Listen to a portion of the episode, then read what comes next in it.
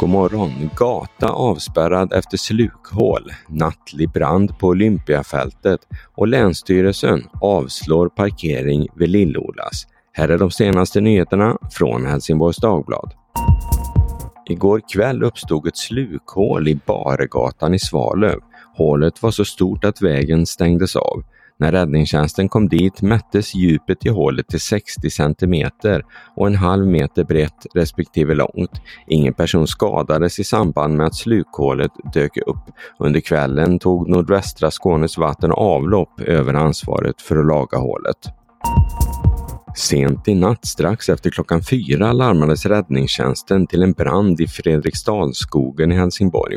Till en början tycktes det handla om att det brann i själva skogen, men när räddningstjänsten kom fram visade det sig att det var en container som brann. Containern stod vid idrottshallarna på Olympiafältet. Räddningstjänsten kunde enkelt släcka branden och det fanns enligt Lukas Hettman på SOS Alarm ingen spridningsrisk. Det är oklart hur branden startade. Ingen människa skadades. Den som sett beväpnad polis i julhandeln behöver inte omedelbart bli oroad. De senaste dagarna har polis patrullerat bland julhandlande svenskar runt om i landet, bland annat i Helsingborg och Malmö.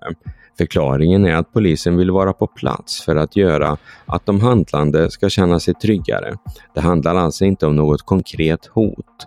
Och många känner sig också tryggare, visar en enkät på stan, men inte alla. Någon menar att polisernas närvaro ändå gör att man tror att något är på gång. Dessutom är vapen i sig i gatubilden, något som någon ogillar.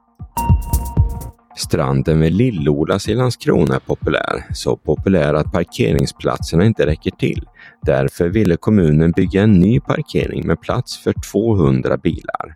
Men det tyckte Länsstyrelsen var en dålig idé eftersom parkeringen skulle nagga av naturområdet längs med Sandbergsgatan, där det också råder strandskydd. Därför har de nu avslagit kommunens förslag till ny parkering. Kommunen ger sig dock inte utan överväger nu att överklaga Länsstyrelsens beslut. Hundratals svenskar som har skyddad identitet har fått sina uppgifter röjda. Det är exempelvis vården, domstolar, socialtjänst och hyresvärdar som gjort fel och därmed röjt folks identitet. I flera fall har det lett till att exempelvis kvinnor som skulle ha skyddats från tidigare män blivit uppsökta och i några fall också misshandlade. Det visar en undersökning som är en av de allra första som visar hur personer som lever med skyddad identitet har det. För många har de röjda uppgifterna lett till att de tappat förtroendet för myndigheterna. Och så vädret. Idag blir det i stort sett samma väder som vi haft de senaste dagarna. Mulet utan särskild nederbörd och kanske, kanske någon liten spricka i molntäcket. Temperaturen kretsar kring nollan och vinden fortsätter att blåsa från nordost. Det var allt från Helsingborgs Dagblad den här morgonen. I studion Peter Färm. Läs mer på hd.se. Vi hörs!